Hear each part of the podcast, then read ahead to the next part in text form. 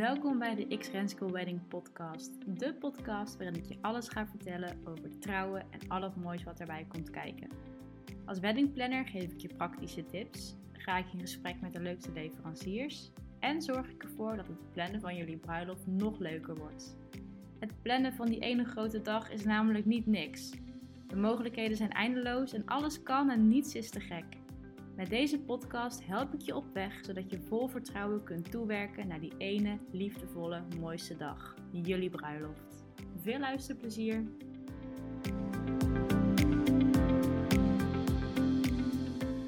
Hoi en wat leuk dat je weer luistert naar een nieuwe aflevering van de X Renske Wedding Podcast. En de FBLS Weddings Podcast. Ja, je hoort het goed, want vandaag zitten Renske en ik, eh, Mandy, samen om tafel om de podcast op te nemen. Mandy is helemaal vanuit Limburg richting eh, Zeeland gekomen om uh, onder andere deze podcast op te nemen. Ja, en om natuurlijk heel gezellig uh, te genieten hier aan zee. Helaas is het weer wat minder dit keer. Ja, een beetje winderig, maar dat hoort ook wel bij Zeeland, toch? Precies. Vanochtend in elk geval lekker uit kunnen waaien. Ja, dat zeker weten. Mijn haren zitten helemaal door elkaar. dat is maar goed dat het een podcast is. ja, dat jullie ons niet kunnen zien. Ja, we gaan vandaag ook eigenlijk weer een heel leuk onderwerp uh, bespreken. Namelijk... De Amerikaanse trouwtradities die we in de Nederlandse praktijk hebben gebracht. Want ja, we hebben natuurlijk uh, best wel wat tradities. En het is een beetje onduidelijk, kwam mij zelf ook al achter in de voorbereiding hiervan. Wat komt nu uit Amerika? Wat komt misschien zelfs uit Engeland? En ja, wat is nu echt helemaal Nederlands? En hoe hebben we dat, ja, die Amerikaanse tradities dan ook een beetje geïntegreerd in de Nederlandse bruiloften? Wat hebben we overgenomen? Wat doen we totaal anders? En uh, ja, wat hebben we eigenlijk allemaal te danken aan uh, Amerika? En dat is meer dan dat je denkt in eerste instantie. Want eigenlijk het hele concept trouwen hè, is al bijna redelijk Amerikaans. Dat vertelde jij, uh, vertelde jij mij ook al. Ja, ja, als je natuurlijk kijkt naar het stukje ceremonieel huwelijk, wat we nu natuurlijk allemaal doen. Dus dat is uh, op een uh, locatie trouwen en daar met een babs of een ambtenaar. Uh, dat is eigenlijk heel Amerikaans al. Want wij trouwden natuurlijk vroeger alleen maar voor de wet en voor de kerk. En dan hadden we thuis een leuk feestje.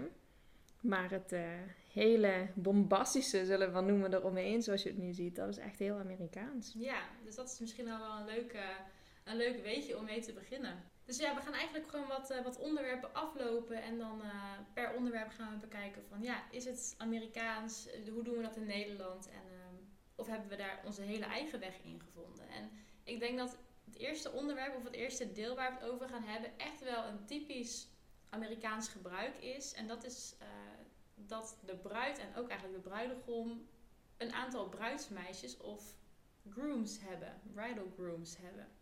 Ja, weet je wel, van al die meisjes die dan in dezelfde jurk komen. En alle mannen in pak met dezelfde kleurstropdas, afwijkend van de bruidegom natuurlijk. Ja, dat is natuurlijk iets wat echt heel Amerikaans is. En ook wel iets dat je nog heel weinig ziet hier in Nederland. Het begint steeds meer, maar we zien het nog niet heel erg veel. Je ziet ze eigenlijk al staan als je erover over nadenkt. Hè? Ehm, de bruid en de bruidegom staan bij het altaar. En dan staan ze netjes op een rij. Vaak heeft de eerste heeft, uh, het boeket van, uh, van de bruid. Ja, dat is dan de maid of honor. hè? ja, die heeft een speciale rol natuurlijk. Dus dat is wel heel erg grappig om te zien. En eigenlijk ook wel, je voelt je meteen heel ongemakkelijk erbij als je weet dat je daar gewoon bijna een uur lang achter, achter de bruid of de bruidegom moet staan. Want ja, je moet daar leuk staan lachen, mooi staan zijn. Dus dat is ja, best wel ongemakkelijk. En zeker als die aantallen natuurlijk flink oplopen. Want soms uh, loopt het wel op tot tien uh, meisjes die ze bij zich hebben. Ja, wat doen ze eigenlijk, die bruidsmeisjes? Ja. Weet jij dat? Goeie vraag ja, eigenlijk. ze zijn vaak echt met veel en ze staan er altijd bij. Ik denk dat ze onder andere wel helpen met het aankleden um, van de bruid. Ja, ik kan me ook wel zo voorstellen, net zoals dat hier ook wel een beetje gaat, dat, dat dan de bruid en de bruidegom echt wel voor iemand specifiek een bepaalde rol in gedacht hebben. Je hebt natuurlijk dan die maid of honor die dan als eerste staat. En hoe noem je dat eigenlijk in het, uh, bij de mannen? Is dat niet... Nee, dat is geen maid of honor. Nee, dat is niet hetzelfde. Nee, dat weet ik eigenlijk niet. Dat is een goeie. Nou, als iemand het weet, laat het ons weten. Ja, zet maar even in de reacties op Instagram. Oh, wat erg. Misschien komen we er dadelijk nog op. Maar in ieder geval, die heeft... The First Man. The First Man, dat is hem. Dankjewel, Renske. De maid of honor heeft wel die speciale rol inderdaad van het bruidsboeket. Waarschijnlijk gaat zij ook mee eh, naar het toilet met de bruid. Uh, legt de jurk goed. Het is meer een beetje, ja, een, een, heel klein beetje de rol van ceremoniemeester natuurlijk. Maar dan wel de leuke dingen en echt de rechterhand eigenlijk van de bruid. Ja, en alle anderen, uh, die krijgen vast wel een rol toebedeeld. Ja, ja, volgens mij openen ze vaak ook wel het, uh, het feest. Hè? Dus dat uh, als er een openingsdans is tussen de bruid en de bruidegom, dan daarna wordt er dan ook nog gedanst door de of honors en de first man samen. En pas ja. dan ook met alle andere gasten samen. Of er wordt één grote opening uh, gedaan, zo'n flashmob of zo. Maar volgens mij komen we daar later nog op. Ja, dat is ook, uh, ook heel erg leuk inderdaad. Dat is ja. ook wel heel Amerikaans om dat dan heel groots aan te pakken. En ik denk dat we ook, nou misschien niet allemaal, maar dat een aantal ook wel het TLC-programma kennen. Dat de bruidsmeisjes dan hun, hun jurk uh, gaan uitzoeken. Ja. Het is ook altijd gedoe. De ene vindt die kleur niet mooi, de andere vindt de andere. Het is natuurlijk allemaal heel erg uitvergroot hoe dat, dan, hoe dat dan gaat. Maar dat is echt ook nog wel een dingetje om die allemaal in dezelfde stijl of in dezelfde kleur uh, ja, in een jurk te, te hijsen. Ja, daarom wordt er natuurlijk veel gewerkt uh, met matched dresses. Hè? Dus dat de kleuren wel met elkaar matchen en binnen het thema passen, maar dat wel ieder zijn eigen vorm, kleur, stijl en maat natuurlijk aan kan. Dat vind ik dan wel uh, mooi om te zien hoe ook een aantal zaken daarop inspelen, ook hier ja. in Nederland. Ja, want als je hier in Nederland ook denkt aan een, uh, aan een bruidsmeisje, dan denken mensen al vaak aan een kindje. Ja, aan het bloemenmeisje aan, eigenlijk. Een bloemenmeisje. Ja. Dat is meer het idee wat, uh, wat wij hebben bij een, uh, bij een bruidsmeisje. Ja, die zo schattig alle roosjes gooit voordat uh, het bruidspaar aankomt. Ja. En die de ringen brengt. En dat is dan vaak inderdaad een neefje of een nichtje. Of misschien zelfs een eigen kindje. Maar dat ja. heeft een heel groot schattigheidsgehalte. Dat hebben de normale bruidsmeisjes natuurlijk iets minder. Ja, en ik ben heel benieuwd of dat, ja, dat Amerikaanse ook echt wel meer ja, in Nederland ook doorgevoerd gaat worden. Ja, zelf zie ik wel dat er veel meer bruidsmeisjes benoemd worden. Maar die staan dan niet zo als dat je in ieder geval bij de Amerikaanse settings ziet vooraan. Maar die hebben dan wel ja, iets van een speciale rol. Of die zitten in ieder geval wel op de eerste bank of de tweede bank. Ja. Toevallig heeft een vriendin van mij heeft wel vier bruidsmeisjes gehad. Waaronder ik ook een bruidsmeisje was. En wij hebben inderdaad met het principe men's gewerkt. Dus ik had bijvoorbeeld een jumpsuit aan ja, de anderen hadden uh, jurken aan, lange jurk, korte jurk. Dus er zat ook echt wel een verschil in. En ja, die bruid wilde echt heel graag dat we allemaal een speciale rol hadden. Dus zo was ik de ceremoniemeester. Eén iemand inderdaad, maid of honor. En de andere twee, uh, eentje had heel erg de rol van uh, begeleiden van de bruid inderdaad met toilet. En ja, bijvoorbeeld zorgen dat ze de hele dag wat te drinken had. En de ander die vond het vooral heel erg leuk om vooral bezig te zijn nog met de aankleding en de styling. Dus ja, zo zie je dat dat toch wel een beetje op elkaar afgestemd wordt. En hebben we ook meteen een, um, een praktijk of een voorbeeld uit de praktijk. Ja, in, in Nederland. Nederland ja. Dat is ook wel heel erg leuk. En zij stonden niet, we stonden niet met z'n allen trouwens voor aan het, nee. uh, aan het altaar. Dat nee. niet. Was ik ook wel heel blij om, want ik zou me heel ongemakkelijk voelen. Ja. Zeker in de rol van de ceremoniemeester natuurlijk. Dat kan ik me voorstellen, ja. En dan kunnen we eigenlijk al door, denk ik, naar de tweede. Want wat ook heel Amerikaans is, is de first look. Ja. En dan niet zoals wij hè, vooraf bij het ouderlijk huis op gaan halen, maar de first look bij de ceremonie. Ik denk dat we het allemaal wel kennen dat uh, de bruid opgehaald wordt door de bruidegom bij het ouderlijk huis van de bruid. En dat ze dan elkaar daar voor het eerst, uh, voor het eerst zien. Uh, dus dat bedoelen we er eigenlijk niet mee. Nee, want dat is wel echt heel Nederlands dit. Dit is echt een Nederlandse traditie. En dat, ja, dat, dat is zoals we het allemaal kennen. Ik denk dat je je ouders, je opa en oma nog kan vragen dat het op die manier ging. Vaak nog met van de trap afkomen, hè? Dat een echte bruid ook echt van ja. boven van de trap afkomt uh, naar beneden. Dat ja, en dan de deur open doet ja, bijvoorbeeld. Dat, ja, wordt er vaak wel net een iets uh, modernere draai aangegeven. Ja, bijvoorbeeld in de tuin. Dus dat de man daar staat te wachten en dat je dan een hand op de schouder kan leggen. En dan... Uh, ja, dat de man omdraait en dan de bruid, ziet. Maar wel vaak onder uh, ja, zeg maar getuigen van de ouders en de getuigen. En het, het naaste gezin eigenlijk. Ja. ja, en in Amerika is het uh, echt niet de bedoeling dat de bruid en de bruidegom elkaar van tevoren zien. Maar daar uh, de bruidegom echt aan het altaar te wachten totdat de bruid aankomt. Eigenlijk een beetje zoals wij kennen bij uh, Married at First Sight, dat televisieprogramma. Ja, ja, daar gebeurt dat ook zo. Dan staat de bruidegom ook uh, te wachten bij het altaar en dan de bruid wordt uh, ja, die komt eigenlijk aangelopen en wordt dan weggegeven. En Ja. dan zien ze elkaar pas voor het eerst. Ze zien elkaar natuurlijk niet echt voor het eerst, zoals bij Married at First Sight. Nee, nee, nee, dat bedoel ik niet. Maar als bruid en bruidegom natuurlijk. Ja. Dan gaan we nog een beetje naar een hele oude traditie toe. Dat is het uithuwelijken. Dat Oei. zien we niet meer. slaan we, dat slaan we maar even over. Ja, wel een heel leuk programma trouwens. Married at First Sight. Zeker, ja. Maar ook veel Amerikaanse elementen erin. En dan weggegeven door papa. Vaak wel, ja, als het nog zo mag zijn. Altijd wel een heel bijzonder moment, vind ik ook. En ik merk wel echt dat bruiden, eh, bij mij in ieder geval, steeds meer het op deze manier willen.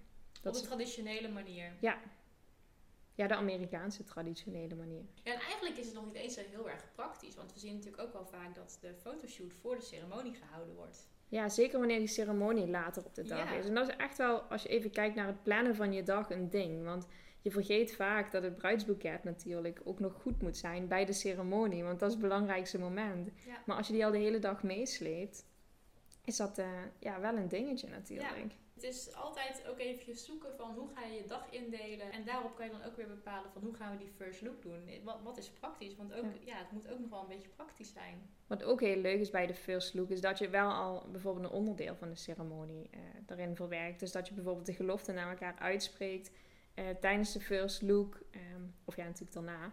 En dat de videograaf het daar vastlegt. Want dan heb je natuurlijk wel al meteen ja, een mooi, mooie toevoeging aan je dag. En je kunt daarna meteen lekker met je gasten nog wat lunchen of dineren. En daarna pas de ceremonie. Het heeft, ja, ieder ding heeft natuurlijk zijn voor- en Ja, zijn nadelen. Zeker weten.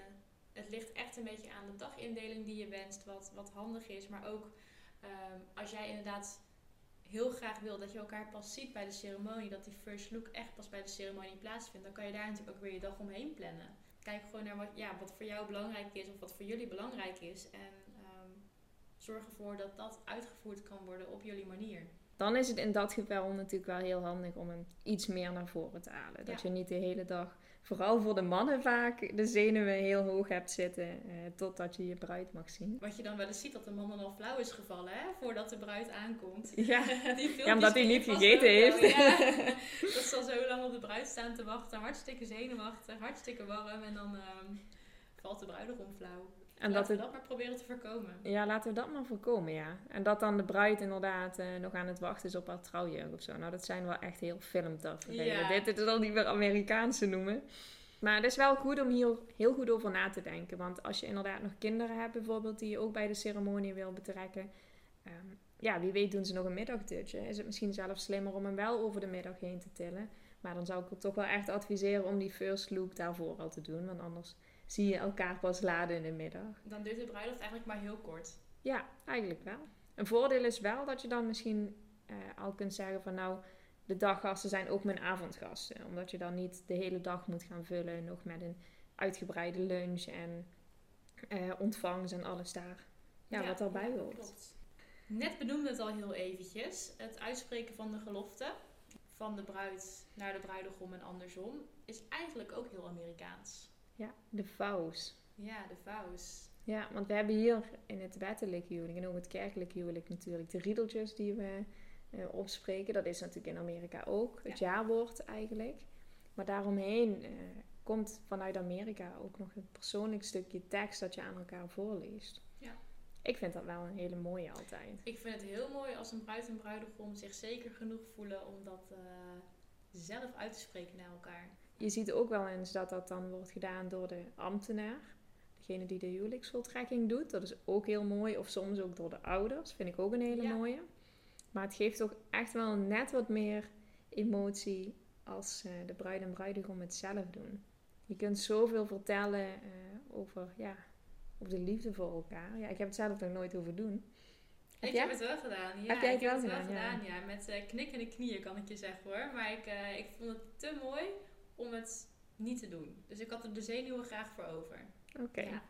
We hadden ze wel op, op, eh, opgeschreven overigens. Ja, dat dus moet ook bijna echt wel. op. Sommigen doen het heel netjes uit hun hoofd. Of ehm, eh, die hebben het weinig voorbereid, maar die vertellen op dat moment echt recht uit, de uit het hart. Ja, maar dan wordt het daar nog verder... ja, daar durfde ik me niet aan te wagen. Ja, en dan krijg je ook wel van die hele awkward grapjes die je echt totaal niet erin wil hebben eigenlijk. Want die niemand ook begrijpt. En ja, dat komt dan soms net niet goed over volgens mij.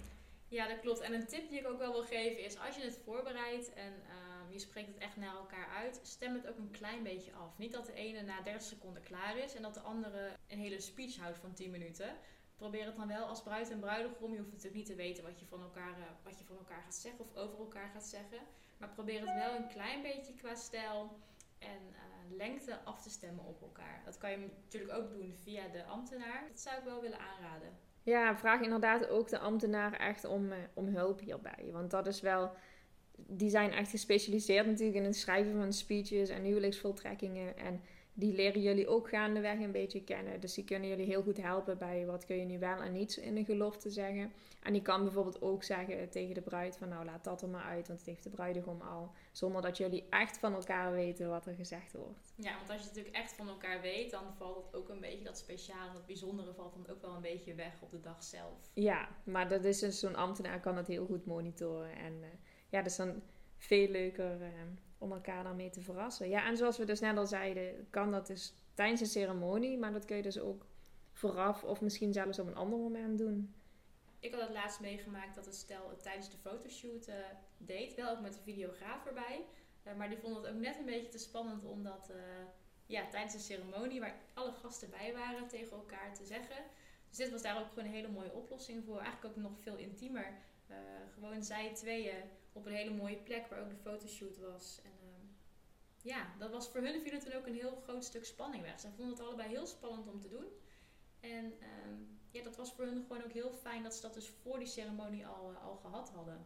Dan hebben ze eigenlijk dat moment, die eigenlijk een beetje de ontlading al gehad natuurlijk. En wat natuurlijk heel gaaf is, als je de videograaf erbij hebt en je kiest ervoor om dat niet met de gasten te doen, dat de gasten het wel achteraf nog kunnen zien en horen. Ja, misschien zelfs met een uh, same day edit uh, als dat zou lukken. Dat is natuurlijk wel een uitdaging voor de videografen ja, vaak, die zeker. de hele dag erbij zijn. Dat ligt er dan ook echt een beetje aan of ze dat redden qua tijd. En, uh, ja. Maar anders dan is het in elk geval dat ze het wat later zien in bijvoorbeeld de trouwvideo die, die dan volgt.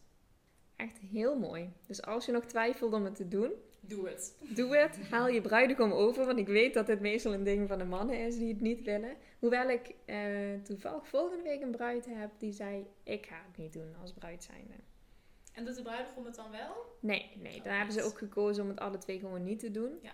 Maar ze gaan wel de dag van tevoren nog samen uit eten. En uh, ze hebben al aangegeven van gewoon, dan gaan we dan lekker uh, ja. met z'n tweeën nog even goed voorbespreken. En ook naar elkaar de dingen uitspreken die we nog graag uit willen spreken. Ja. Dus dat vind ik ook wel heel mooi. Zeker. Het is ook namelijk ook absoluut niet de bedoeling dat je er zo tegenop ziet of zo zenuwachtig voor bent dat de rest van de ceremonie eigenlijk volledig aan je voorbij gaat. Omdat je denkt van, oh, ik moet straks of dat je dan als bruidegom ja. toch flauw valt. Nou ja, dan weer, ja. Nog een moment waarop het mis kan gaan.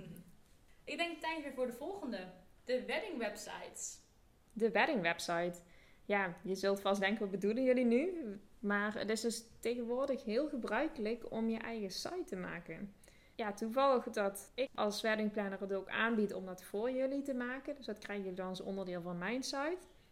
En dat uh, noemen we dan ook wel eens de RSVP. Maar het is heel gebruikelijk om dus een site te creëren waarbij je eigenlijk alle gegevens uh, op de site zet. De locatie, het telefoonnummer, uh, van mij dan, hè, van de ceremoniemeester. Uh, ook een formulier waarbij iedereen alles kan aangeven van dieetwensen tot willen ze overnachten. En misschien zelfs verzoekjes. En een dresscode. De uitnodiging kan er nog een keer op. Ja, je kunt het zo gek niet bedenken. Jullie weten zelf hoe uitgebreid websites kunnen zijn. Maar dat is dus echt heel Amerikaans om dat te gaan doen. Maar wel super makkelijk, omdat je zo je uitnodiging wel heel mooi en chic kan maken zonder daar overbodige informatie op te zetten. Dat kan dan allemaal op die website. Dus eigenlijk, als ik het ook goed begrijp, die website is vooral voor alle gasten. Ja. En voor het bruidspaar. En de weddingplanner of ceremoniemeester kan dus ook op, ja, op die manier heel makkelijk inzicht krijgen in um, de wensen van de gasten, wensen van het bruidspaar, wie er wel komen, wie niet ja, eigenlijk is het uh, voor mij als weddingplanner, ceremoniemeester, heel fijn om dan alles ook in één formulier, want het komt dan allemaal bij elkaar te staan. In plaats van dat ik daar heel veel mailtjes over moet ontvangen of heel veel appjes en telefoontjes over wie er wel of niet is, of welk dieet er is, of dat iemand zwanger is. Dus ik vind dat zelf wel heel prettig werken. En de bruidsparen ook, want ja, die hebben gewoon het gevoel van nou, het is gewoon geregeld en we hoeven ons niet druk te maken dat er ergens een mailtje niet aankomt. En dat is wel heel fijn. En het ziet er gewoon heel leuk uit Ja. op een eh, uitnodiging. Ja. Nou, je hebt me overgehaald hoor. We gaan straks nog even na de podcast even doorpraten. En dan ga ik ook kijken hoe ik dat eh, aan kan gaan bieden. Ik vind het een hele goeie. Ja, Ja. zo moeilijk is het niet natuurlijk. Nee. Maar Maar wel heel praktisch. ja, heel praktisch. En je ziet ook wel eens, want bij mij zit er natuurlijk in de URL van www.fblsweddings.com. Maar eh, ik heb ook een bruidspaar die wilde zo graag hun eigen domeinnaam, dat die dan gewoon zelf een website gaan bouwen. Ja. Maar dan zie je ook vaak dat ze hem voor nog veel meer dingen gebruiken. Eh, bijvoorbeeld de cadeaulijst, die volgens mij ook dadelijk nog aan bod komt. Die staat er dan op. Ehm, Misschien zelfs ook nog achteraf dat ze de foto's kunnen ja, delen. achteraf. eh, Of de hashtag, een link naar de Instagram pagina persoonlijk. Ja, je kunt het echt zo gek niet bedenken. En je Ja. kunt het er allemaal op zetten. Ja. Ja. Maar in elk geval ook de meest basic versie is al gewoon heel erg handig om in gebruik Ja. te hebben. ja, want het is begonnen inderdaad echt met die RSVP van... eh, eh, welkom lieve gast, eh, vul hieronder je gegevens in en dan weten we of je erbij bent. En Ja. dan bedankt namens het bruidspaar. Ja, super handig. Ja, eigenlijk wel. Stel je voor, je hebt 150 gasten, wat hopelijk snel allemaal weer kan. En die moeten inderdaad allemaal laten weten of ze er wel of niet zijn. En dat verandert misschien nog, eh, verandert misschien nog een keer. Ja, nee, heel handig. Dus een echte aanrader. En als je er meer over wilt weten, dan eh, hoor ik dat graag. Ja. ja, en dan de wedding planner. Ja, dat is echt een traditie, snap ik niet. Nee, ik ook niet. Ik snap niet waarom, waarom ze in Amerika zo fan zijn van de wedding planner. Ik, ik begrijp het niet. Nee, waarom zou je dat doen? Je kunt toch veel beter gewoon een vriendin vragen? Of alles zelf regelen. Of alles zelf regelen, nog beter.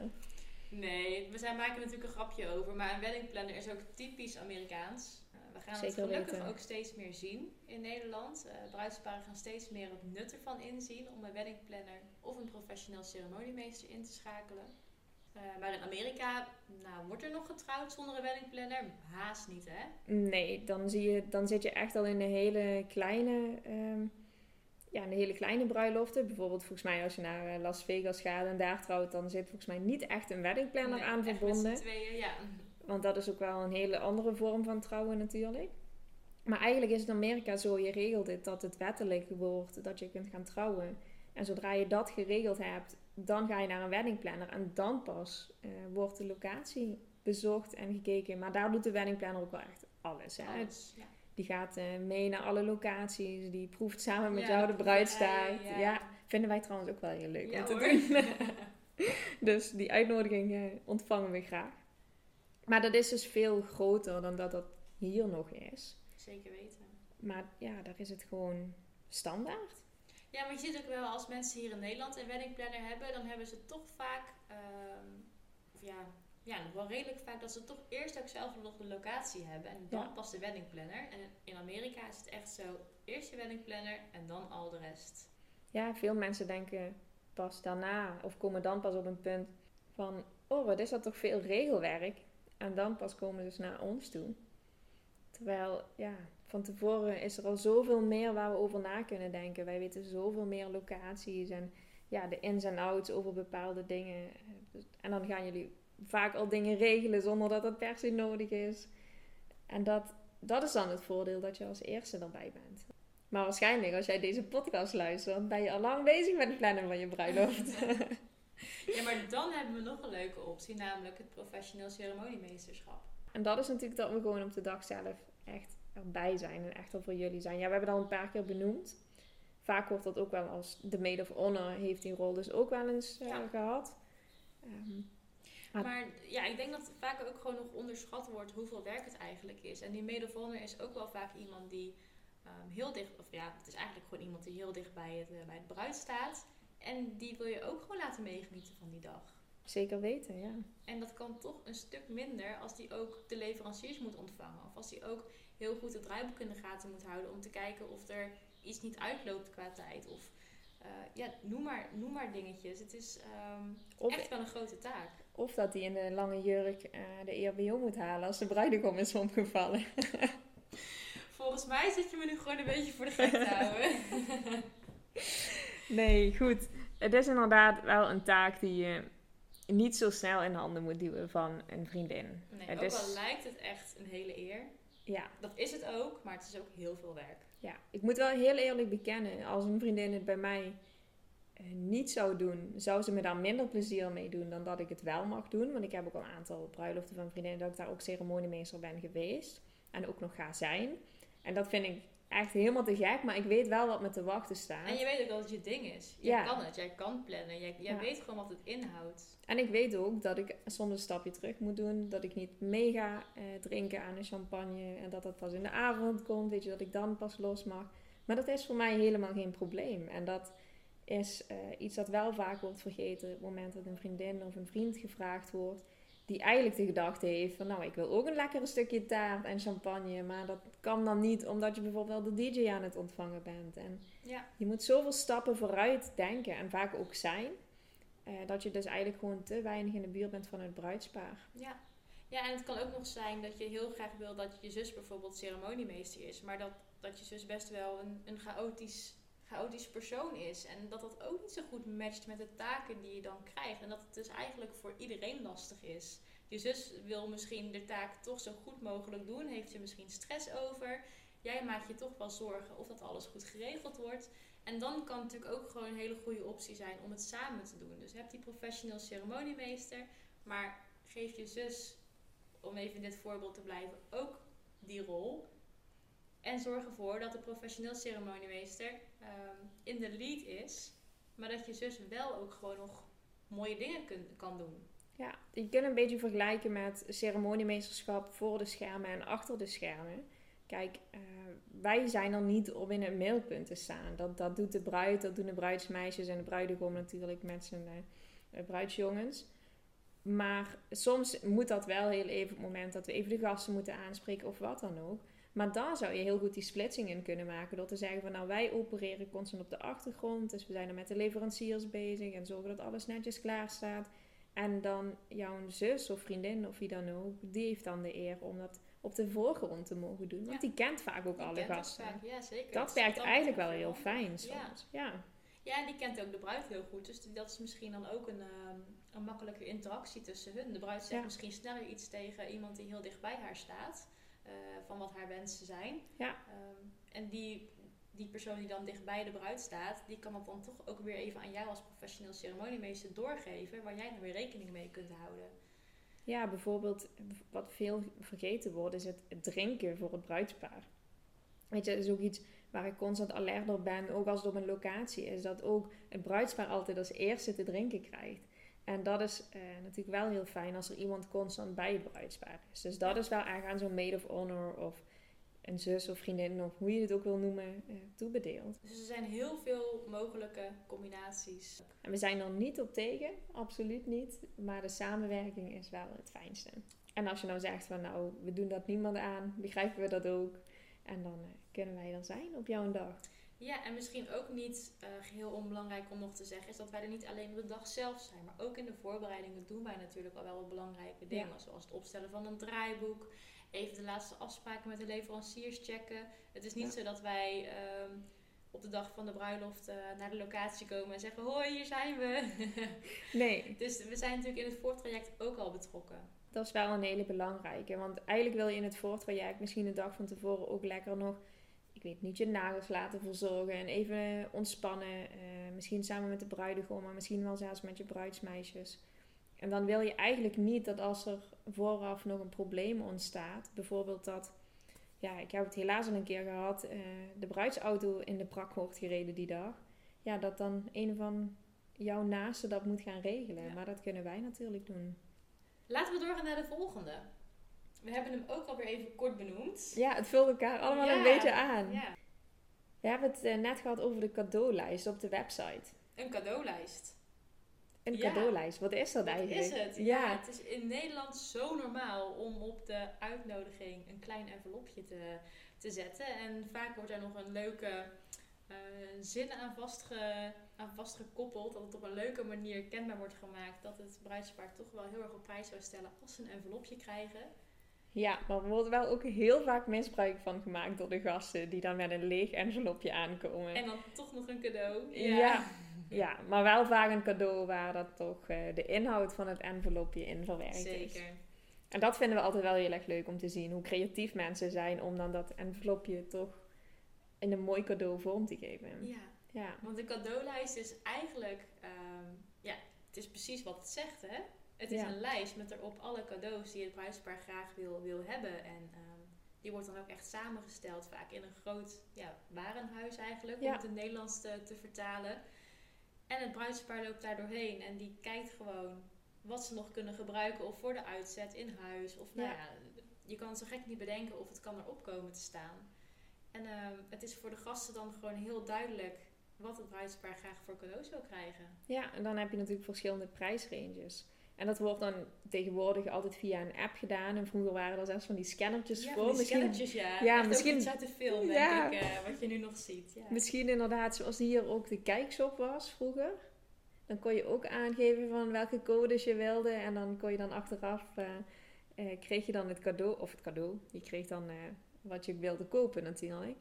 Maar een beetje dat idee. En dan, ja, daar zijn zelfs inderdaad speciale warenhuizen voor ingericht. Dus ja, je scant het dan. De productcode komt erbij te staan op je lijst. En die lijst gaat dan vervolgens naar de gasten via de website. Ja. Ja, dus je krijgt gewoon nooit meer iets wat je niet ja, eigenlijk niet zo mooi vindt. En Nee. dat is natuurlijk vaak het, een beetje de, de angst van de Nederlandse bruidsparen. Van als we om cadeaus vragen. We vragen bijvoorbeeld om, eh, nou, noem maar iets, om handdoeken. Eh, misschien krijg ik ze wel in een afgrijzelijke kleur. En past het helemaal niet bij de rest van eh, onze uitzet. Eh, dus daar is natuurlijk gewoon een hele goede oplossing voor. Ja, dat zeker. Alleen ja, je bent iets minder verrast natuurlijk wat het wordt. Wat wel misschien ehm, ook belangrijk daarbij te benoemen is, of ja, belangrijk. Het is ook heel Amerikaans om dan niet die cadeaus mee te nemen naar de bruiloft, maar die krijg je dus vooraf al toegestuurd. Dus ze staan al in de, in de Ja. woning. Stel je Ja. voor dat ze allemaal met van die grote dozen aankomen zetten. Dan heb je als ceremoniemeester nog meer werk om alle cadeaus op te ruimen. Ja, want wij ruimen inderdaad ook de cadeaus op Ja. en die brengen we dan naar het hotel. Of eh, naar huis toe. Nou, dat, ik eh, zie ons al met... Kan je eh, wel een busje huren? Ja, ik denk het wel. Want ik zie de meest gekke dingen voorbij komen al. eh, van een eh kruiwagen tot eh servies dat we moeten gaan slepen dan. Ja. Ja, ik ben eigenlijk wel stiekem een beetje blij dat het hier nog niet zo is. We zien het wel vaker als eh, bruidsparen eh, vanuit het ouderlijk huis gaan trouwen. Dus voordat ze, samen, voordat ze samenwonen, dat het dan wel wat vaker gedaan wordt. Hè? Dat ze echt om cadeaus vragen. Ja, want het is eigenlijk heel erg gelinkt natuurlijk aan de uitzet. Ook Ja. in Amerika. Dus dan Dus- kan het natuurlijk wel heel handig zijn om eh, ja, dingen voor je uitzet cadeau te vragen. Zodat je het niet allemaal zelf hoeft aan te schaffen. Dat is trouwens niet, eh, niet heel Amerikaans. Want dat is iets dat ik ook wel uit verhalen hoor van vroeger. Dat dat ook altijd gedaan werd. Ik, ik weet nog dat mijn oma van de week zei van... eh, oh, dit is het servies dat wij voor, de brui voor onze bruiloft hebben gekregen. Ja. Dus ik vind dat dan toch grappig om te horen dat die linkjes er wel allemaal zijn in die tradities. Ja, het is natuurlijk ook best wel logisch om te doen. Een, een, een bruiloft plannen of organiseren is ook best wel prijzig. Het bij elkaar verzamelen van je hele uitzet ook. Dus waarom niet het samenvoegen en het... eh, Ja. Ja, dus ik Ja. snap het ook wel. Het is natuurlijk echt uit de gedachtegang van we wonen nog niet samen. En hè, het maagdelijk wit kwam toen ook nog aan bod. En, je is- begint samen aan je nieuwe leven samen, zeg maar. Ja, en nu is het vaak eh, toch het envelopje, meestal voor de huwelijksreis. Ook heel leuk. Ook heel erg En leuk. niks mis mee. Nee, absoluut niet. Ik weet ook al wat ik zou kiezen. wat hebben jullie gedaan? Ja, ook het envelopje. Ook het Ja, envelopje? maar dat kregen we ook wel in, ehm, ja, van sommige mensen ook in een hele leuke vorm. Ja, we hebben ook inderdaad een grote doos gekregen met, ehm, nou, ik denk wel 500 enveloppen. Ehm, en in de ene zat een, eh, nou, een muntje voor je kar bij de Albertijn.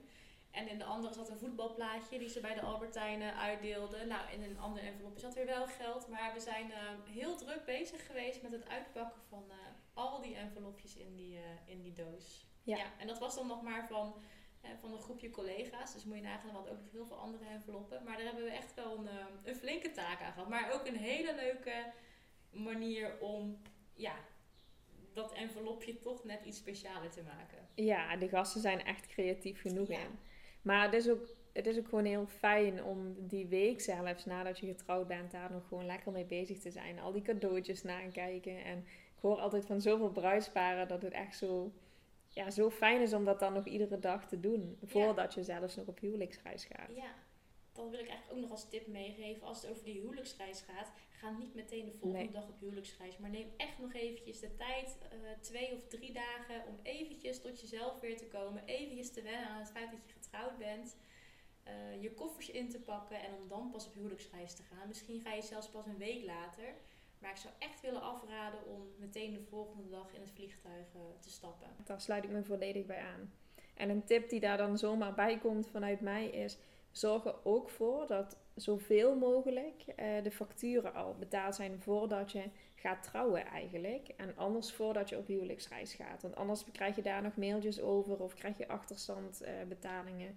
dat is allemaal niet prettig. Dus zorg ervoor dat je daar inderdaad wat ruimte voor hebt. Het liefst zelfs nog voor de bruiloft. Ja. Om dat ook af te handelen. Maar dat is hoe jullie het betalen. Dat gaat niet meer over de cadeaus. Dus- Nee, was weer een uitstapje. Eh, nu naar eigenlijk een heel lekker onderdeel. ja. De sweet table. De sweet table. Ja, in plaats van die grote bruidstaart. Ja. Heel Amerikaans ook. De donuts, de koekjes, de, donut wall. lollies. Super ja. leuk hè, zo'n wall met allemaal donuts op van die, ja super leuk. ja, zo creatief eh, kun je het eh, niet bedenken eigenlijk.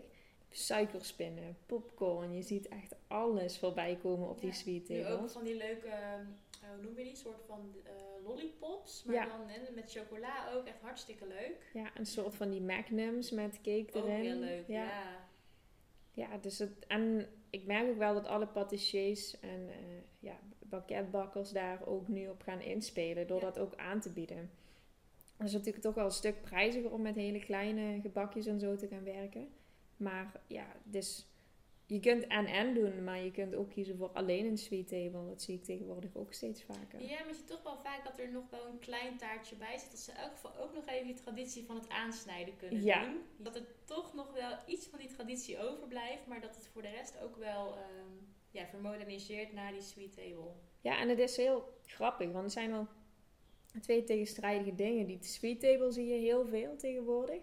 Maar er zijn ook mensen die echt totaal niks meer van zoetigheid willen. En die daar een beetje vanaf zijn gestapt in het kader van eh, ja, gezond eten natuurlijk.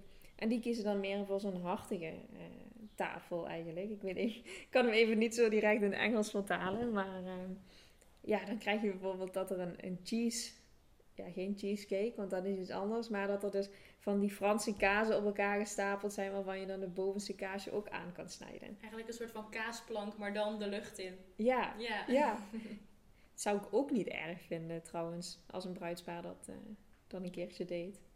Ja, maar dan moet het niet van die Franse of van die Zwitserse kaas zijn. Die proef je dan de hele dag nog. Ja, dat is niet zo leuk. Als alle gasten ze dan eten, is het oké, maar niet iedereen houdt daarvan Nee, natuurlijk. geef mij toch maar lekker een sweet table. Dat Ja? is toch wel mijn favoriet. Ja. Ja. ja, het hangt er ook een beetje vanaf natuurlijk welke stijl. Hè? Als je een beetje het Franse thema of het Italiaanse hebt, is dat natuurlijk best wel Dus leuk. het is wel heel leuk om dat erin door te voeren. Ja. Ja. Maar de bruidstaart aansnijden, dat moment is wel is gewoon altijd zo leuk. Dat is vaak de ontlading na, Ja. Na de ceremonie direct. Zeker. En dan eh, gaat iedereen weer eventjes rustig zitten, met iedereen kletsen, de felicitaties. borrel, ja. Dan kom je, kom je echt een beetje meer in die relax-modus en dan wordt het wat meer eh, genieten dan ehm, ja, zenuwachtig zijn. Pak jij altijd een stukje bruidstaart? Als me aangeboden wordt. Precies. Ja. Wij zouden het nooit uit onszelf doen. Nee, als het aangeboden wordt, dan eh, zeg ik geen nee. Als ik op dat moment niet even iets belangrijkers te doen heb natuurlijk. Maar anders dan eh, maak ik er graag even tijd voor vrij. Ja, en meestal eet het ook niet op tussen de gasten. Nee, We staan nee, altijd nee. eventjes eh, Ja. backstage om het... Misschien samen met de fotograaf of met Ja. de tweede fotograaf. ja, ja, even Altijd leuk. de zijkant. We vinden het heel leuk als het ons aangeboden wordt, maar we zouden nooit inderdaad... Nee. daar, ook daarbij niet op de voorgrond treden. Nee hoor, nee. Nee. Ik denk de laatste die we gaan behandelen. Ja, en die is ook heel erg leuk, maar ook wel een beetje zonde. Ja, namelijk het weggooien van het bruidsboeket. En dat alle bruidsmeisjes die moeten proberen te vangen. En die staan dan achter de bruid. En dat is dan eh, vanuit de films één grote afgrijzelijke scène. En, Het haren trekken en ja. en alle mannen die daar dan bij horen, die eh, zijn zich al heel erg aan het hoofd aan het krabben. Dat zij niet eh, de volgende zijn die op de knieën moet gaan. Ja, want degene die het bruidsboeket vangt, gaat voor, als, volgens de traditie als eerstvolgende trouwen. We zien het in Nederland niet zoveel, hè? Nee, en als dan in een andere vorm. Want dan gaat het niet om de bruidsmeisjes, want er zijn er vaak natuurlijk niet zoveel. Maar dan gaat het echt om alle vrouwen die er zijn. Ja. En die gaan hem dan vangen. Wat wel vaker gedaan wordt, is dus dat er nog naast het boeket ook een... oh, waar ben ik het? Een weggooiboek. Weggooiboeket, ja. Ja. die, die naam was ik aan het zoeken. Dat die ook ehm, gemaakt wordt door de, eh, door de bloemisten. Zodat het ja, gewone bruidsboeket gewoon nog de hele dag in stand blijft. Ja, want er zijn heel veel mooie dingen om met het bruidsboeket te doen na afloop van de trouwdag. Bijvoorbeeld drogen. Ja. Of in een schilderijlijst verwerken. Eigenlijk heel veel leuke dingen. Dus wat dat betreft is het ook best wel zonde om hem weg te gooien aan één. Of ja, weg te gooien, dat klinkt wel een beetje negatief. Maar om hem tussen de gasten te gooien die er misschien ehm, ja, heel weinig mee gaan doen. Dan kan je er zelf beter iets moois en een mooie herinnering van maken. Zeker weten. En het is wel ook natuurlijk een heel grappig moment. Maar het is wel dat je er even goed over moet nadenken of je het wel of niet wil doen. Maar je ziet wel ook in Amerika, en dat zie je natuurlijk vaak nu op die TikToks en zo allemaal terug, dat er dan de bruid, een van de bruidsmeisjes het boeket geeft en dat daar direct dan haar vriend eh, op de knieën gaat. Dat vind Ja. ik altijd wel heel erg tof om te aanzoek zien. tijdens een bruiloft. Ja. ja.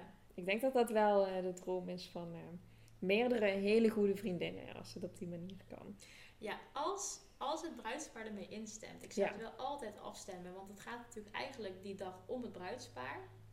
Ja, Ehm, zeker Dus het weten. moet dan daarna niet om het nieuw verloofde Nee. stel gaan. Dus, als het bruidspaar er helemaal mee akkoord is, dan superleuk. Maar ik zou dat wel altijd eventjes afstemmen. Ja, vaak zie je toch wel en hoor je toch wel dat dit ook het idee is van de bruid zelf. Die Ja. dan natuurlijk de beste vriendin en die dan zelf het balletje opgooit. Dan ben ik helemaal voor. Ja, dat zou ook echt heel grappig zijn om een keer mee te maken. Ik vind het zelf ook altijd heel leuk om een bruidsboeket vast te houden. Ik vind dat zo'n enorme eer op een of andere manier. En ook dat ik die als eerste mag gaan ophalen. En ik zie hem als eerste. Ja, ik ben gewoon echt een Een bloemengek. bloemen, ja. ja, ik een word er zelf, ik, ik vind het zelf ook heel leuk, maar ik zie jou meteen van, oh, die bloemen. Ja, ik vind dat zo, maar dat is gewoon zo'n ding. Komt ook natuurlijk voort vanuit een traditie, want eigenlijk horen wij hem niet op te halen, Nee, maar hoort de bruidegom hem op te zeker halen. weten, ja. En ook uit te kiezen. Ja, Maar dat durven heel veel bruiden niet zonder medeweten van de bruid. Ja. Ik heb het nog niet meegemaakt. Nee, ik ook niet. Wel dat de bruidegom echt zei van ik wil hem echt aan haar overhandigen. Dat Ja. bouw ik meestal ook wel in bij de first Zeker, dat is, ook, dat is ook wel gewoon een hele mooie traditie. Maar wel een Nederlandse traditie. Want bij, in Amerika heb je natuurlijk die first look bij het altaar. En ja, Dan heb je wel al je bruidsboeket vast. ehm, of heeft, staat de bruidegom dan de bruid op te wachten met het bruidsboeket? Ja, je ziet beide. hè? eens, hè? Ja. Ja, Nou ja, dat kan, dat kan dus ook blijkbaar allebei. het kan ook. Allebei. Alles kan ook. Alles kan. Ja. Ja. ik denk dat dat eigenlijk onze boodschap is ook van heel deze podcast. Amerikaanse traditie of niet. Alles kan. Niets is te gek. Niets is te gek. Geef er je eigen draai aan. Sommige mensen vinden het heel mooi om een traditie echt volgens de traditie na te leven. En anderen houden vast aan de traditie, maar, maar geven er echt gewoon een hele moderne invulling. Ja, ja want je hebt, oh ja, we hebben nog die, de traditie van, de, eh, van het bekende riedeltje. Ja. Something Old, old, something, new, something borrowed, something blue. Ja. En, En a sixpence in our shoe. ja, want ik maakte dus gisteren, toen wij ook samen zaten, zei ik al van hé, hey, een Amerikaanse traditie is ook de something old, something new. En toen verbeterde jij mij van nee, dat is eigenlijk Engels. Ja, het is een Engelse En het traditie. klopt, het is Engels, ja. Ja, En het gaat eigenlijk ook met name om het laatste zinnetje. A sixpence in our shoe is echt, ja, dat is natuurlijk het, het Engelse geld. Ehm, dat komt er eigenlijk uit voort dat de eh, vader van de bruid, eh, ja, eigenlijk die sixpence geeft aan de bruid en in haar schoen doet voor ja, een stukje voorspoed en overvloed.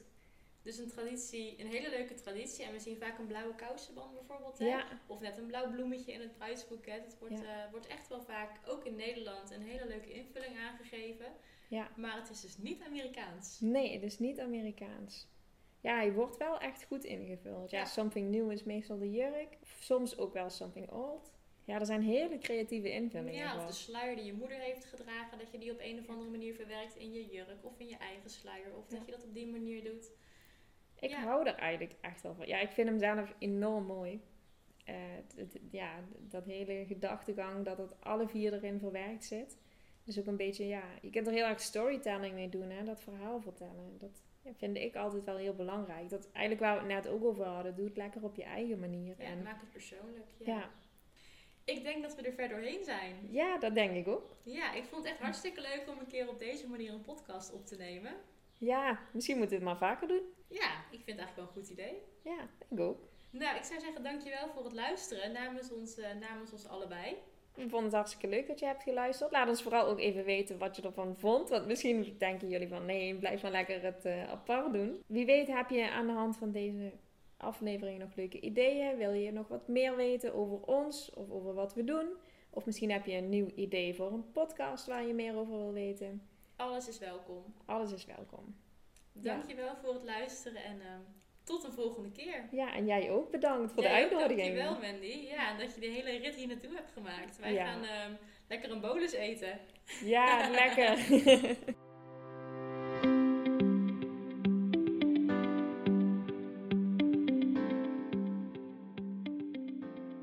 Dankjewel weer voor het luisteren naar deze aflevering van de X Renske Wedding podcast.